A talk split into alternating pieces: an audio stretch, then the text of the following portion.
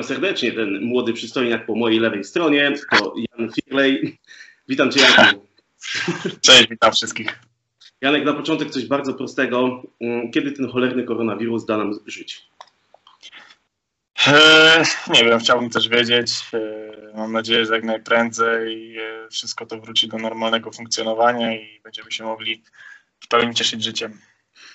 Też mam taką nadzieję. Marzec 2020 rząd wprowadza dwutygodniowe obostrzenia, które trwają do dzisiaj. Co myśli sobie wtedy Janek Firley?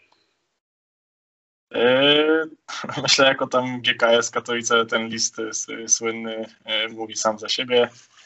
Eee, no my chcieliśmy tutaj grać, kontynuować dalej te, te rozgrywki i myślę, że to tak najlepiej obrazuje podejście moje osobiście też.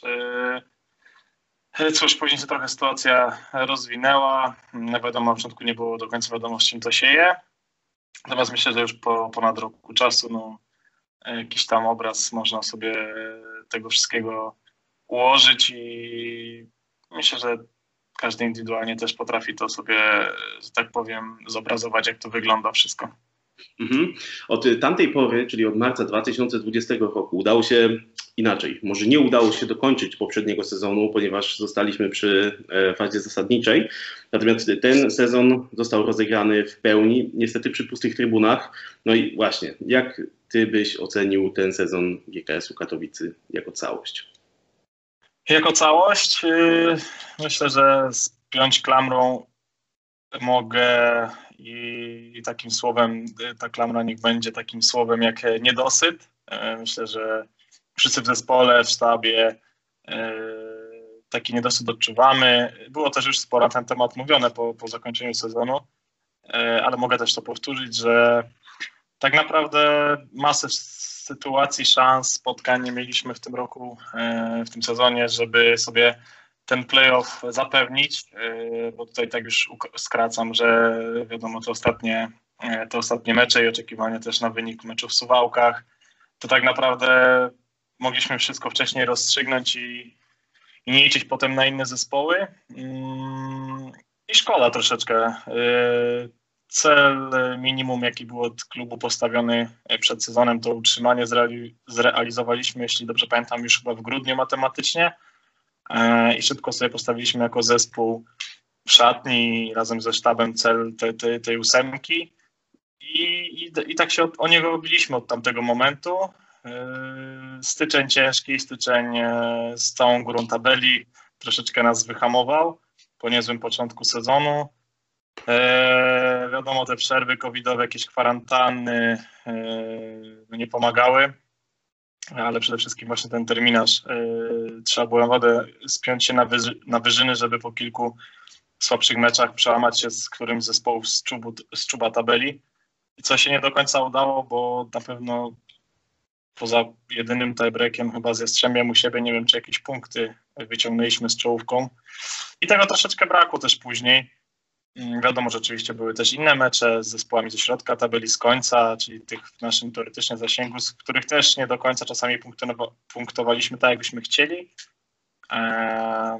Ale myślę, że przede wszystkim wszystko mieliśmy w swoich rękach, e, żeby ten playoff sobie zapewnić. Mieliśmy na to realne szanse i moim zdaniem po prostu nie wykorzystaliśmy tych szans i okazji na, na punktową i ta końcówka i gdzieś tam oczekiwania tego wyniku meczu w Suwałkach, tam chyba Nysa, Suwałki, e, to tak naprawdę no, nie możemy mieć przecież pretensji do innego zespołu, bo mieliśmy wszystko długo po swojej stronie, żeby tę ósemkę zdobyć.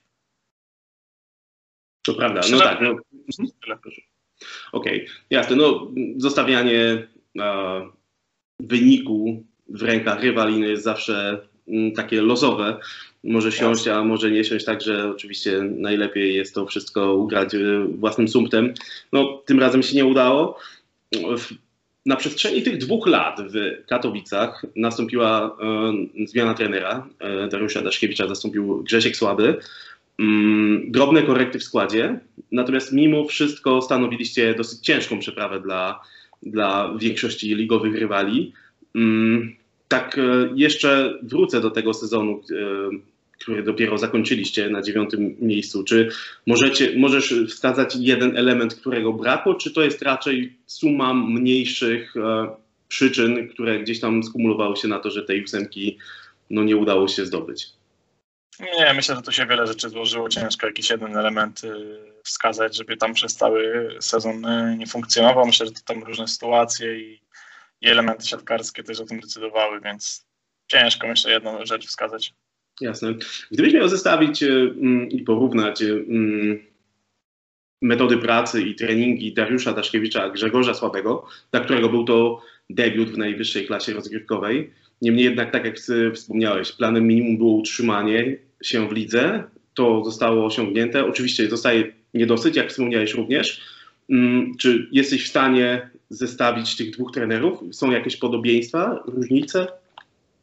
Znaczy na pewno różnicą taką, myślę, że oczywistą e, pierwszą można wskazać doświadczenie, no siłą rzeczy, prawda? Mimo wszystko trener Daszkiewicz e, już to doświadczenie zdobył, e, czy pracę długą w efektorze Kielce, czy na innych szczeblach młodzieżowej kadry Polski. Mm, natomiast trener Grzegorz Słaby oczywiście również e, to doświadczenie zdobywał, tylko na poziomie pierwszej ligi, więc jednak pierwsza liga, ekstraklasa jest, jak sam zresztą wielokrotnie powtarzał i nami, myślę chyba też w wywiadach, że jest to duży przeskok. Więc myślę, że to taka główna pierwsza różnica.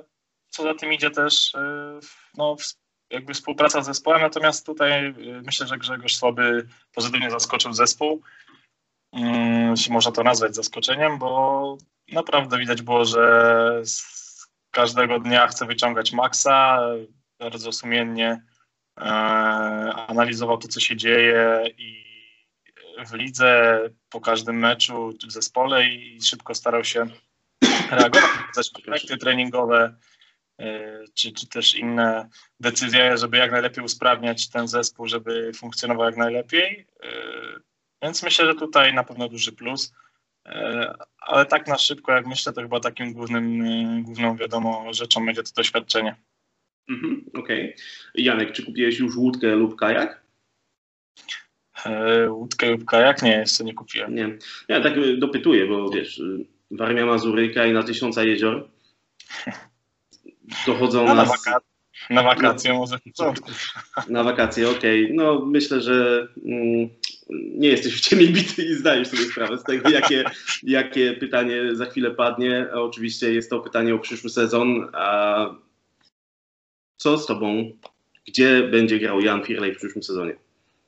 Mm, no myślę, że gdzieś tam w kuluarach dużo tych e, głosów różnych chodzi. Ja na chwilę obecną powiem dyplomatycznie, e, ponieważ jeszcze do końca maja wiąże mnie umowa z GKS-em Katowice, więc e, no raczej nie zostanę tutaj w GKS-ie i, i na tym myślę, że mogę zakończyć tę odpowiedź. Zobaczymy, co przyniesie przyszłość. Mhm. A czy była taka możliwość, żeby zostać?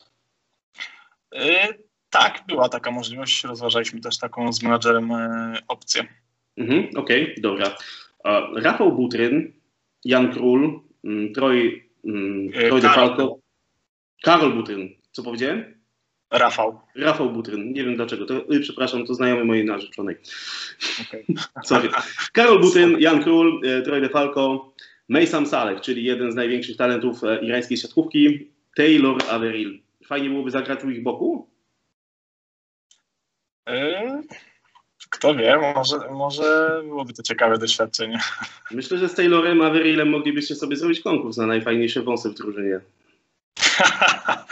nie, myślę, że generalnie tutaj mój, mój zarost jest dość, e, myślę, jeśli mogę tak nazwać, nieśmiałym, e, śmiałym, śmiałą konkurencją do, do, do zarostu Taylora, więc e, myślę, że konkurs, w konkursie nie miałbym z większych szans. Dobra, okej. Okay. Nie będę ci już męczył. Łódki nie kupiłeś, kajaka też nie. Nie chcesz powiedzieć, gdzie będziesz grał. Dobra, zostawmy to.